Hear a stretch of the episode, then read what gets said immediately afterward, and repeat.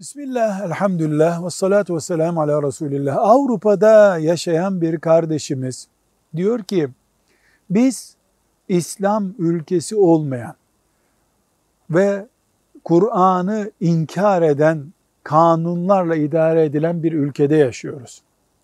Elimize fırsat geçtiğinde biz bu ülkede bir şeyi almış olsak, hırsızlık yapmış, günaha girmiş olur muyuz diyor. Diyoruz ki, Müslümanın yaşadığı yerden önce kendisi önemli Müslümanın. Müslüman nerede yaşarsa yaşasın, kendi inancından ve şahsiyetinden dolayı hırsızlık yapmaz, harama tevessül etmez diyoruz.